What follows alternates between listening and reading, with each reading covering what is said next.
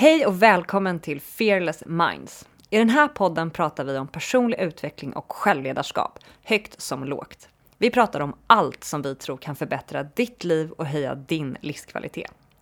I det här avsnittet pratar vi om så kallad bounce back rate. Att må dåligt, det gör vi alla. Men den viktiga frågan är, hur snabbt tar du dig upp igen?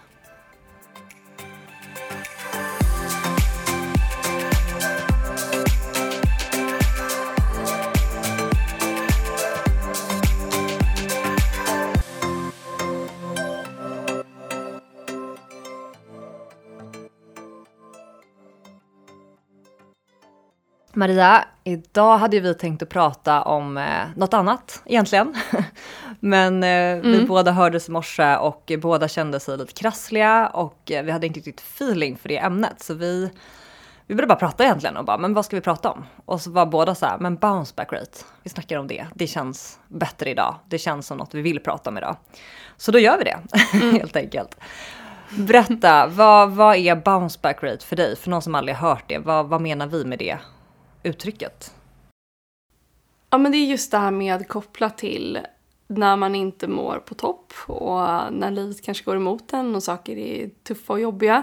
Jag tror att att leva under en, alltså att, under tron av att livet, det finns något perfekt liv, det är ju bara en illusion på något sätt. Att det kommer alltid finnas problem och det kommer alltid dyka upp utmaningar och jobbiga stunder och jobbiga dagar och jobbiga känslor och tankar det är en del av livet och jag tror att man gör sig själv en tjänst genom att, genom att också så förbereda sig för det. Att så här, ja men problem, det är en del av livet. Det kommer komma. Eh, och jobbiga dagar kommer komma. Och det är liksom, det är en del av livet och det är också det som hjälper oss att reflektera, tänka till, göra förändringar. Utan problem så skulle ju inte vi göra förändringar, då skulle inte vi utvecklas, vi skulle inte sträva efter en förändring eller liksom ett nytt skapande eller någon typ av innovation. Vi skulle stagnera som, som art. Så att jag tror att det finns ett syfte också med att vi får, har problem och jobbiga stunder. Eh, det får oss att utvecklas helt enkelt. Men just det här med då att, att tänka på något sätt, för det har jag nämligen gjort förut. Att säga, men bara jag gjort det här, då kommer allt bli bra. Och bara jag löst det där, då kan jag slappna av. Och bara jag kommit dit, då kommer jag känna mig nöjd. Och sen så inser man någonstans att Eh, förhoppningsvis liksom tidigare än senare att nej, men så är det inte. Utan att det kommer fortfarande dyka upp. Alltså, bara för att saker förändras så kommer det kommer fortfarande dyka upp problem, men de kommer se annorlunda ut. Eller det kommer dyka upp känslor och de kommer se annorlunda ut. Så, att, så här, det kommer alltid komma och eh, just det här med att vi, när vi pratar om bounce back rate är att just det här med att man kommer må dåligt och man kommer, det kommer hända jobbiga saker i livet. Och det är inte det som det handlar om och det är inte det man ska fokusera på utan det är snarare då hur snabbt tar man sig själv tillbaka från det. Alltså hur snabbt kan man då gå in i en jobbig situation eller känna det här och sen faktiskt liksom ta då med hjälp av, vi är ju enormt mycket verktyg och tankesätt och saker hur man kan skifta mindset i den här podden. Så att, hur kan man använda då sina verktyg för att ta sig tillbaka mm. så snabbt som möjligt. Exakt. Och just att det här upplever jag faktiskt en ganska viktig insikt av Alltså allt det här med att jobba med sin egen personliga utveckling och liksom självledarskap. Att det här tycker jag, jag ser lite som en missuppfattning ibland hos vissa människor. Och säkert även hos mig själv i början när jag började jobba med det här. Att man tror att så här, men nu ska jag bli liksom intresserad av personlig utveckling och jobba med mig själv. Att det någonstans att jag i alla fall tänker så jag ser andra gör det, att så här, det innebär att jag måste vara en perfekt människa som aldrig får ha en dålig dag, inte en svacka. Nu ska jag liksom så här, leendet på, allt ska vara perfekt, du, du, du, super liksom happy go lucky. Och det är ju liksom allt annat än det, utan det här, alltså personutveckling handlar ju för mig i alla fall väldigt mycket om att så här, precis det du säger, att det kommer vara dåliga dagar, det kommer vara jobbiga grejer som händer, jag kommer att ha bara vakna upp och känna mig låg eller ledsen eller arg eller vad det än är. Alltså, det kommer komma skit och problem och utmaningar. Men just det här, så här fokus är på att så här, men hur snabbt tar jag mig tillbaka? Det är för mig personlig utveckling. Det är därför jag jobbar upp min mentala muskel. För att i de stunderna och svackorna kunna ta mig tillbaka snabbare. För innan, innan har jag eh, liksom låtit mig själv må dåligt väldigt, väldigt länge egentligen. Alltså jag har kunnat liksom haft ångest, känna stress, känna mig låg, lite deppig. Det har kunnat gå liksom, alltså månader, kanske år till och med, liksom till och från. Men det som är skillnaden för mig är att så här, nu, nu är jag mycket snabbare på att när man jobbar med personutveckling och har de här redskapen och verktygen, man, hittar liksom, man får den här medvetenheten om att så här, nu mår jag dåligt, nu är det någonting. Okej, bara så ett, jag är medveten. Två, hur tar jag mig tillbaka? Och ju fler gånger man har gjort det, desto liksom starkare är ju den här muskeln att ta sig tillbaka. Och det tycker jag är hela vinningen med att jobba med sin personliga utveckling. Att, att svackorna kommer, men de är inte så djupa och inte så långa. Eh, framförallt inte långa skulle jag säga. Djupa kan de ju vara, men inte långa längre. Att liksom man snabbt får ta sig tillbaka. Och det tycker jag är den stora vinningen på något sätt med allting. Men 100 procent. Att man känner att man har på något sätt så här, vi styr inte över livet och saker som händer, men man kan fortfarande få liksom, ta tillbaka sin kontroll med hjälp av liksom, ja, olika verktyg och sätt saker, kunna skifta saker. Eh, och att jag tror en viktig del i det här också är att faktiskt våga känna på de här sakerna som kommer. För att jag tror vi alla har liksom stött på människor som, eh, som ja, men så här, de ger sken av att allting är jättebra. Men sen när man börjar liksom komma lite närmare på så märker man att men så är det verkligen inte alls där. Så jag tror att det här med att så här, ignorera att det är jobbigt eller att saker är tuffa. Jag tror absolut inte det är lösningen. Jag själv testar det och bara så här, men nu lägger vi lite locket på, och pratar inte om det. Och det kan hjälpa ibland om det är lite små saker men det som, för mig är det nästan som att det är, det är en typ av knackning inifrån om någonting om det är någon, liksom, någonting jobbigt som pågår och att man, om man inte bejakar det, om man inte ser det så är det som att den här knackningen kommer bli högre och högre till att man faktiskt vågar vända blicken inåt och, och se vad det är. Så att jag tror att det är väldigt viktigt att våga se vad det är som liksom, försöker göra sig hört. Alltså om det är någonting, man kanske är stressad eller det är någonting som skaver i någon relation eller det är någonting som inte känns helt bra på jobbet och att då försöka liksom lägga locket på och bara marschera mm. vidare och liksom ignorera det. Eh, det tror jag bara kommer leda till liksom en långsiktig olycka i det och att man känner att man ja, man lever liksom inte, det finns ingen så genuin och autentisk glädje i det. Så jag tror att det är viktigt att våga se saker som dyker upp. Um, men sen då verkligen att så här, okej, okay, men hur, från den här platsen, då vi båda hade en ganska tuff morgon i morse, hur kan man då liksom använda och det för mig är väldigt så här, det är olika verktyg men att så här, hur kan man då använda det här som händer genom att gå vidare och jag tror att för oss båda i morse så var det väldigt mycket mer så här, ja men bara acceptera läget. Bara, det är vad det är. Vi befinner oss på den platsen. Vi ska inte nu sätta oss och podda om ett annat ämne som kanske handlar om lycka för att det är vi inte i närheten av det. Det är som att liksom försöka hoppa upp för en jättelång trappa när man står på längst ner på trappsteget. Att så här, nu befinner vi oss på den här platsen och det är, så, det är så himla fine. Och vi kan vara här och vi tar ut från den platsen istället. Och bara genom att, att liksom acceptera läget och där man befinner sig så tycker jag att redan där, det är ett sätt för mig i alla fall att komma tillbaka för att det är så här, okej, okay, jag accepterar som det, som det är. Jag försöker inte argumentera med verkligheten genom att säga att så här, jag försöker få saker att vara annorlunda än vad de är, utan det är vad det är. Och redan där så känner man att man släpper väldigt mycket liksom, eh, press på något sätt och släpper en tyngd i kroppen och att man kan sakta börja ta sig tillbaka. Så att jag tror också det var ett sätt för oss i morse. Eh, nu hade vi turen att liksom kunna göra lite kanske i, med hjälp av varandra. Eh, men att, att eh, kunna liksom, ta sig tillbaka med bounce back rate. Och för mig, är det, för mig är alltid läget som du är inne på, alltså, eh, nummer ett är alltid för mig som, som en process är acceptans. Alltså för att det finns alltid en del i mig, den här duktiga flickan som vill, vill lite instinktivt springa ifrån de här jobbiga känslorna. Bara, nej, nej, nej, det, nej, det orkar inte med en dålig dag, det får inte kännas så här. Eh, liksom, en del i mig vill inte det, men sen ganska snabbt jag säger, jo men liksom, let's face it, för att jag har, ju, jag har ju sprungit det där mar maratonet och racet så många gånger av att försöka hålla, liksom, chippa efter andan ovanför liksom, ytan och bara simma, simma, försöka kämpa liksom, i motvind och bara så här, det, till slut blir man ju helt slutkörd och, det, och helt dränerad istället och dränkt i det där liksom. Så att jag, jag inser ganska snabbt så här, spontant vill jag springa från känslan, men sen bara väldigt snabbt, okej, okay, acceptera, så här är det. Men sen är alltid för mig nästa steg är att så här, jag ger mig inte förrän jag hittar hittar, jag sätter liksom fingret på problemet. För för mig är det alltid, det har med någonting att göra. Alltså får jag, blir jag lite deppig eller får jag ångest över något? Känner jag lite oro? Eh, alltså så här, vilken skavande känsla det än är, när man känner ilska eller irritation, vad man än liksom känner. Att så här, inte förrän jag känner att jag pinpointar det här handlar om så ger jag mig liksom inte. Sen kan det ta en dag eller ett par dagar beroende på problemet. Men jag hade bara ett exempel i morse, liksom, det var en grej som hade hänt mellan mig och en person, en nära relation och jag kände att det var något som skavde och jag försökte så här, du vet, i mitt huvud, så här, är det det här, vad är det här som hände, vad är det här? Fundera på liksom, vad har det här med att göra? Och sen i morse, det som jag gör det som funkar väldigt ofta för mig, det är att jag tar fram papper och penna och bara skriver. För att när jag försöker tänka mig till vad det handlar om så blir det oftast för eh, för, vad säger man, abstrakt. Men när jag sätter mig ner med papper och penna och skriver, för då skriver jag av mig och väldigt så obehindrat och bara, men vad är det jag känner? Vad tänker jag? Bara för tankar nu. Ja, men jag tänker det här hände, eh, det innebar det här, de här liksom, reaktionerna, jag kände så här, det här, liksom, what's my story? Det här innebär det här och det här och det här. Det här tror min hjärna kommer bli konsekvenserna av det här nu och liksom bara skriver av mig.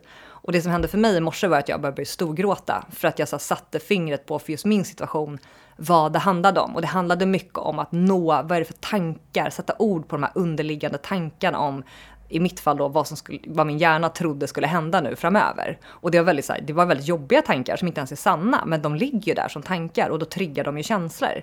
Och när jag satte ord på det så liksom, då blev det så tydligt. Jag kunde liksom läsa om det här brevet till mig själv och zooma ut och bara, ja men okej jag fattar, om det här är tankarna, om det här är berättelsen jag undermedvetet drar i mitt huvud, då fattar jag att det är jobbiga känslor och, och, och liksom som triggas i mig. Och då är det klart att jag mår dåligt. Så bara genom att se det släppte jättemycket för min del. Att bara så här lyfta upp det till ytan och bara okej, okay, det är det här det handlar om för min del. Där var verkligen så här, det blir som en, vad säger man, en, en, en, en ventil där man bara släpper ut känslor. Eh, och att liksom man ja, man släpper på trycket på något sätt och man ser framförallt vad det har med att göra. Och för jag, jag försökte det här typ två dagar innan och bara så här, vad handlar det om? Och jag bara kände, bara, nej, jag hittar inte, det släpper inte, den här känslan ligger kvar. Och finns en skavande jobbig känsla kvar, då har i alla fall inte jag nått rotorsaken eller det som det egentligen handlar om. Och min grej är att jag ger mig inte förrän jag hittar det på något sätt. Ja, exakt. Och jag tror att det är så, den här processen, den är sjukt bra. Och det, jag brukar också göra det. För att det, det som jag tror att det som kommer fram då, alltså det, den, när jag förstod att, att vi har ju vårt undermedvetna som består av, det är väl ungefär 90, 98 procent eller något sånt där, det är i alla fall en enormt stor del av liksom våra tankar och de val vi gör styrs av vårt undermedvetna och vår under, vårt undermedvetna är ju som en programmering som vi har liksom skapat eh, under vår uppväxt, framförallt då mellan 0 till 7 års ålder. Att så här, det är så här vår värld fungerar. Det är då våra hjärnfrekvenser är i en i en annan, ja, i en annan hjärnfrekvens när vi är mellan 0 till 7 år så att vi liksom suger åt oss som svampar och skapar oss en uppfattning om världen för att sen kunna gå ut och navigera i den. Och många av de här sakerna ligger ju kvar som så här, en uppfattning om så här är livet. Och då när saker händer så triggas ju väldigt många gånger våra undermedvetna programmeringar. Och det är inte så lätt då att när man, liksom, när man sen är då, ja men så här, 33-35 år och bara någonting händer, man blir triggad av någonting och helt plötsligt dras ens undermedvetna programmering igång. Men man har ingen aning om varför man upplever de här känslorna eller de här jobbiga tankarna.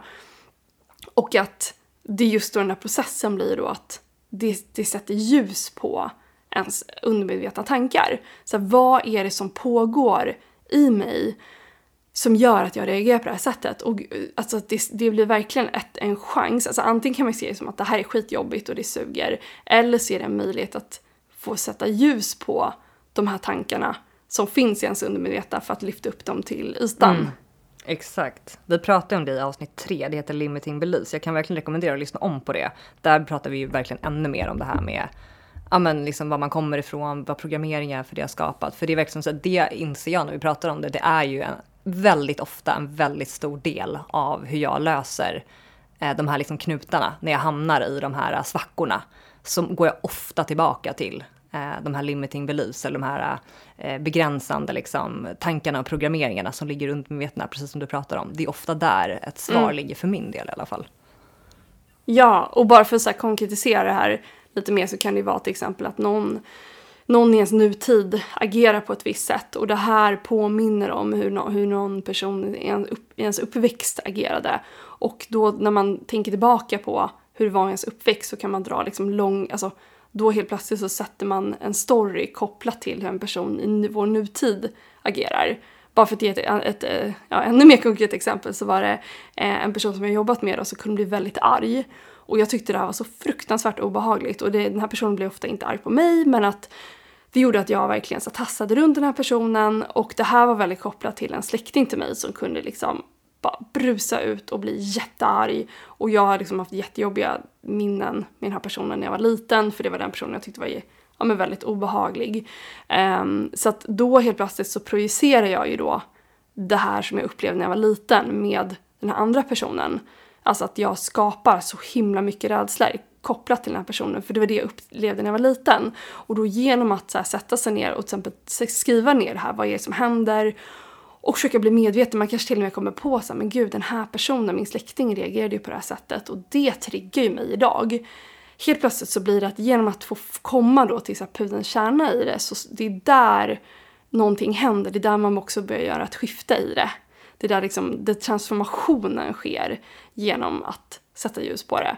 Så att jag tror att genom att försöka liksom ja, förstå att det är någonting i, i mig som blir triggat, jag vet inte vad det är, men jag ska sätta mig och försöka skriva ner saker som dyker upp och bara gå på, på det som dyker upp i mina tankar och skriva ner det. Så kommer man ju till, vi har gjort det här, jag vet inte hur många gånger, så hundratusentals, jättemånga gånger. Och eh, det är inte alltid, för att ibland krävs det lite mer, som du berättade att du gjorde det här några dagar sedan, ingenting hände. Ibland så behöver man göra det några gånger. Men när man väl sätter sig och faktiskt skriver det och sen så att eh, till slut så kan det komma upp då någon tanke eller någon, någon liksom, något minne som faktiskt eh, skiftar mm. eh, liksom situationen. Det, det är väldigt häftigt.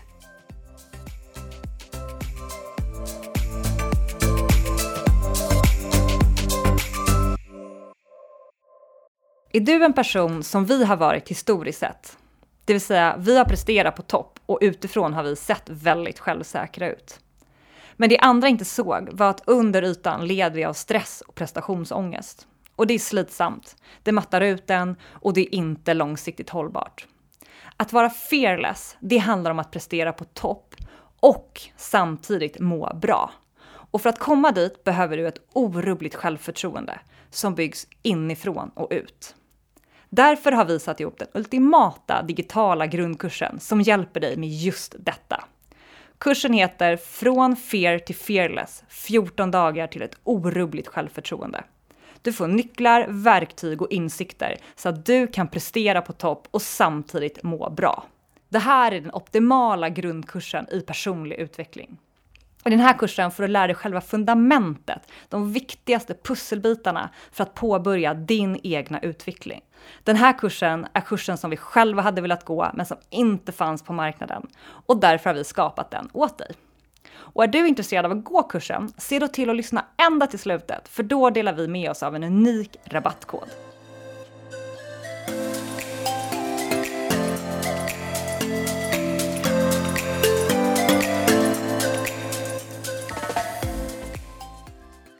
Om man tänker på ditt exempel där, var ju att du var ju yngre, du var ju liten när du såg din släkting bli sådär arg. Och som litet barn se en vuxen bli arg är ju skitläskigt, rent ut sagt. Alltså som barn att se en förälder bli riktigt arg, det är väldigt, väldigt obehagligt. Och någonstans där, där skapades ju liksom minnen i dig och känslor som var riktigt obehagliga.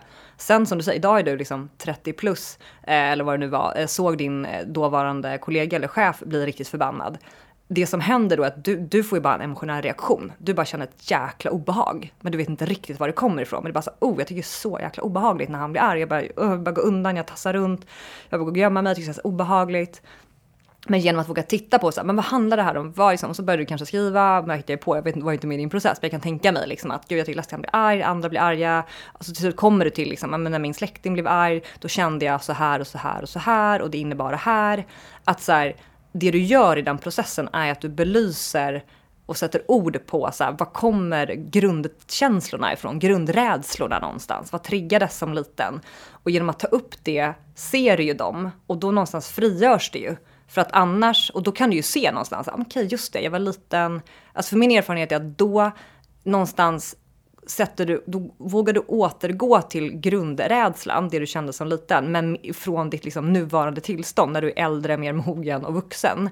Vilket gör att du har en annan distans till de där känslorna. Och det är ju först då, och bara genom att se samband också, ah, som liten, du lyfter upp det till medvetna, gör att de tappar sin kraft väldigt mycket i det där.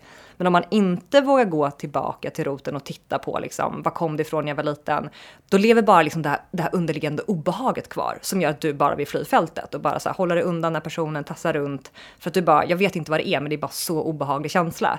Men när man ser så här, ah, den kommer från när jag var liten, no shit, jag översatte, liksom bär med mig det här kraftfulla obehaget från när jag var liten, men nu när du är vuxen kan du ju kanske se tillbaka på så här, ja, han blev skitförbannad, liksom, idag hade du mer bara så här, men gud, alltså obehagligt men skärp dig. Eller jag vet inte, alltså, jag hade haft en helt annan distans ja. till det. Men, så men jag, kan, jag kan ju berätta hur jag reagerade före och efter, mm. för att det är ganska intressant. För att innan då, eh, när jag bara blev triggad av det här då med kollegan, så, så, så gick inte jag till jobbet. Eh, eller jag, jag gjorde det, men att jag försökte jobba hemifrån så mycket jag bara kunde till en gräns där det, liksom, det började bli lite ifrågasatt, att jag jobbade hemma så mycket. Men jag skyllde det på andra saker, att jag, ja, men jag måste koncentrera mig och sådär. Det berodde egentligen enbart på den här saken för att jag, eh, det skapade så mycket ja, men så här, jobbiga känslor på jobbet. Um, och sen då i takt med, med att jag började förstå det och att vad det var bottnat i och att det här var en person som blev arg men det har faktiskt ingenting med mig att göra och det, så här, nu är det lite han som får ta sig samman i det här sammanhanget. Eh, för man kan inte bli så arg på andra människor, det får han dela med. Och att jag kunde liksom skjuta ifrån mig det här till att så här, se att jag med, med honom göra så vågade jag också prata med honom om det. Eh, och efter det så har en jätteförändring skett. Så att det har varit en, eh, en liksom, och då, då, kunde jag handskas med det på ett mer alltså, vuxet sätt. Man säga. Innan var det att jag reagerade i som jag gjorde när jag var liten och sen då i takt med att jag kunde förstå vad det var bottnat i så kunde jag också hantera och handskas med situationen. Och jag tror att, att liksom förstå det, det gör att man helt plötsligt kan liksom med alla situationer i livet där man blir triggad av. Många gånger, tittar jag bara på mig själv så kan jag se att ja, 99% av alla de gångerna är när jag blev triggad utifrån gamla mönster. Det är nästan alltid det. Alltså om jag överreagerar eller jag frassar ifrån eller jag blir liksom, jag drar, skapar stories i mitt huvud som jag senare kan se att det inte stämmer fast i stunden så känns det som att det här är den enda sanningen som existerar. Um, så jag tror att man gör ju sig själv och verkligen de i sin omgivning världens tjänst.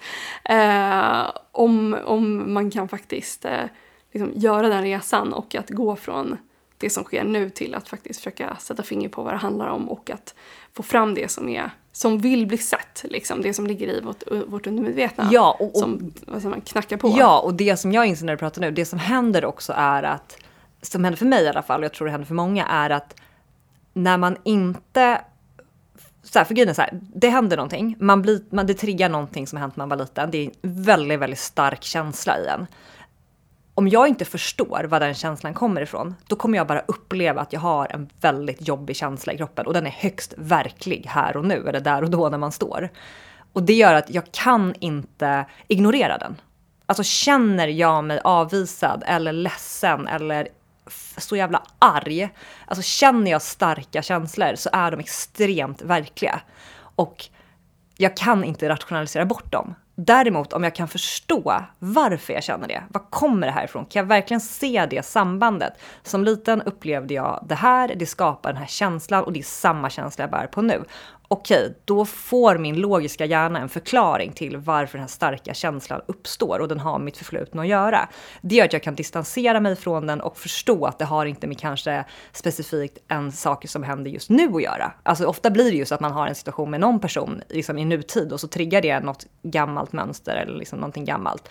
Men Eh, men, men när jag förstår då att det här triggar något gammalt, då kan jag liksom separera mig från den. Alltså till exempel om jag och min man bråkar ibland. Alltså det är ofta så här, 99% av våra bråk handlar ju om, eller säga, men väldigt ofta att jag triggar till exempel något gammalt. Alltså han triggar något i mig, något gammalt minne som gör att jag känner jävligt jobbiga känslor och så blir jag arg på honom. Och inte förrän jag gör jobbet att gå till botten med vad handlar de här känslorna om? Kommer de från liksom mitt förflutna? Vad har det med att göra? Först när jag ser det kan jag distansera mig och släppa en del av de känslorna och då kan vi konstruktivt prata om problemet. Men innan jag gör det jobbet så är det som att jag har typ på mig ett par färgade glasögon där jag inte riktigt ser klart. För att jag är för färgad av det som har varit. Alltså som inte har med honom att Och göra. då skyller man ofta på den andra personen. Ja. 100 procent. Mm. Jag kan ge ett annat exempel på det här bara för att förstå det. För att det, det, det, det, för mig tog det här lite, det tog lite tid att förstå exakt det här. Eh, men jag var ju tidigare i en relation i sju år och sen så var jag singel i eh, ja, flera år och innan jag träffade min nuvarande kille. Och då var det, under den här singelperioden så tyckte jag att det var jättejobbigt eh, till en början att dejta. Alltså det var verkligen så här, det var fysiskt. Jag tyckte det var så jobbigt. Alltså jag kunde sitta på en dejt och bara ah, svettas typ och jag ville bara gå därifrån och jag kunde känna mig nästan som att jag, ja, men jag fick nästan lite panik liksom ibland eh, kopplat till det här. Och då förstod jag inte så här, men vad är det som händer? Och till en början trodde jag bara att jag hade helt tappat det. Att jag, så här, vad är jag för onormal person som inte kan gå på en dejt? Och sen så var det att eh, vi hade ju faktiskt ett samtal, eh, det var någon måndag, så här, lägligt klockan 11 som jag typ lämnade kontoret och fick något så här sammanbrott och bara, jag blev så trött på mig själv kopplat till det här för jag bara, jag kommer ju aldrig träffa någon om jag inte kan sitta och ha liksom, gå på en vanlig dejt som vilken annan människa alltså, kan göra. Liksom, mina vänner hade inget problem med det så att jag kände mig verkligen som ett ufo i den kontexten. Eh, och sen så då så började vi liksom, ja men jag började bara gråta, jag var ledsen på det och sådär. Och sen kom det ju fram att det jag hade väldigt starkt då programmerat i, min, så här, i mitt undermedvetna och det som styrde min världsbild just då, det var att så här, men man får en kärlek. Och det vet jag ju logiskt så att det inte är så. Men jag trodde, alltså i mitt, det spelar ingen roll att jag rationellt kunde säga att men jag vet att det inte är så, jag har massa exempel på att det inte är så. Det som styrde min världsbild, det var att det var så. Och det som kom upp för mig då, det var de här alla Disney-filmerna. Det var liksom såhär, för jag menar vad hade jag suttit och tittat som liten flicka? Men det var såhär Cinderella och det var Skönheten och odjuret och det var Aladdin och där är det såhär prinsessan får en prins. Um, så det var alla de här filmerna som började komma tillbaka i mitt huvud och tittar jag också på min släkt så är det väldigt många som fortfarande är tillsammans. De är fortfarande liksom gifta, de har inte, några har skilt sig men det är väldigt få. Så att så här, det var på något sätt den världsbilden jag hade vuxit upp med. Och det här gjorde ju att min kropp eh, och mina tankar var så här, men det är lite kört för dig nu Maria. Alltså det var det, den undermedvetna programmeringen som styrde. Så att när jag satt där på dejter och det var liksom, det gick emot hela min världsbild då. Och jag menar den här världsbilden, det är ju så här, det förstår ju vem som helst att det är absolut ingen vettig och sund världsbild att gå ut Eh, och vara singel och försöka träffa någon med. Det går ju rakt emot den. Eh, men bara just det här med då att så här, våga titta på det, försöka förstå vad det handlar om, försöka liksom bolla upp. Det är lite som att man bara, kan det handla om det här? Eller det här dyker upp, det här dyker upp. Och bara man är öppen i den processen, man kan skriva, i den här stunden så pratade vi i telefon. Um, och då helt plötsligt så kom den här tanken att så här, men gud det är nog det här, det är ju Disney-filmerna som har styrt det här och att man får bara en kärlek. Um, och bara genom att bli medveten om det så skiftar det ju jättemycket. Alltså det är bara genom att, så här, för det här ena strategin här som jag tror att de flesta människor gör är att de bara kör på. Det, det är jobbiga känslor och det är fuck your fear så det är bara pusha sig igenom det. Men, men det, det kvarstår ju fortfarande att den här undermedvetna tanken ligger och styr en. Vilket gör att den vägen kommer bli väldigt jobbig. Men då istället, vi, våran approach är mer jobba fearless vilket är då att så här, våga titta på det. Våga liksom syna de rädslorna, de programmeringarna som finns i ditt undermedvetna och titta på det. För att bara man går in i den processen och får upp det till ytan så sker, det är som att så här, där sker, om inte mer än hälften, alltså det är liksom hela transformationen i princip. Och sen efter det så är det som att man är inte hijackad av de här känslorna längre. Efter det så skiftade det jättemycket för mig. Jag hade inte alls samma känslor. Helt plötsligt så kunde jag känna att det var kul att gå på en dejt.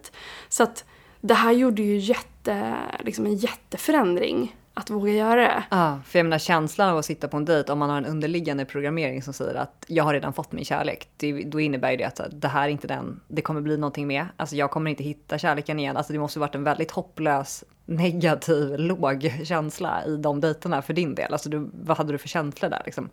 Ja, nej men bara jättejobbiga känslor. Att man eh, kände sig liksom fast, man kände sig... Jag var inte alls mig själv, eh, jag kände mig orolig, nervös, otillräcklig. Eh, jag kände att det var något fel på mig. Massa sådana jobbiga känslor. Jag som då styrdes av att så här, det här kommer ändå inte bli något. Det här, jag har ju redan fått min chans. Så Exakt. Att, var, varför sitter jag här? Waste of time. Det är kört för mig ändå. Måste ju varit så här skitjobbigt. Ja. Men det jag tänker på bara så här, generellt är det ju alltid så, alltså vår take på det är ju att så här, har man en svacka, har man liksom en dålig dag, en dålig vecka eller vad det så är man liksom nere eh, på något sätt och har liksom, man är off. Då är det, alltså nyckeln är alltid att våga titta på rädslor. För tyvärr så är det alltid någon form av rädsla som ligger och hindrar en. Eh, som man behöver våga titta på. Och det är det som du säger, det är där transformationen sker. Och ju- desto tidigare du vågar titta på det, desto snabbare kan du ta det tillbaka.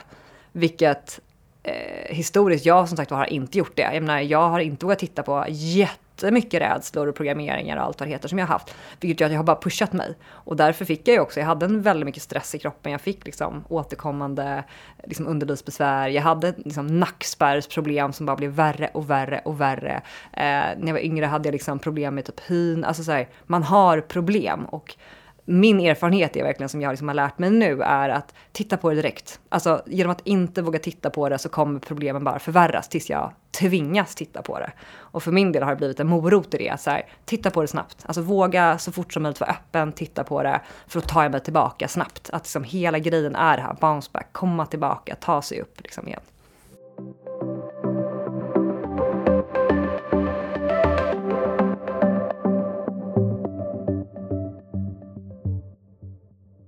Och dagens övning handlar om att fokusera på din bounce back rate. Alltså att inte fokusera på att du är i en svacka, utan istället på hur snabbt du kan ta dig upp från din svacka. Och kanske befinner du dig i en svacka just nu, eller så gör du inte det. Oavsett vad så vill vi att ditt fokus ska ligga på att ta dig tillbaka. Och för att komma tillbaka handlar det ofta om att vara väldigt inkännande i stunden. Vissa dagar handlar det mest om en acceptans och att låta sig själv ha en riktigt kass dag. Och då behöver man kanske bara jobba på att vara extra snäll mot sig själv.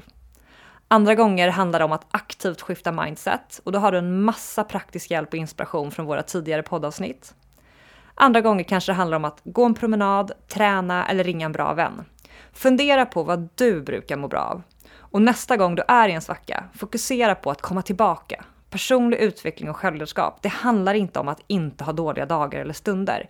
Istället handlar det om att hitta sina strategier och att kunna komma tillbaka till en bra plats så snabbt som möjligt igen.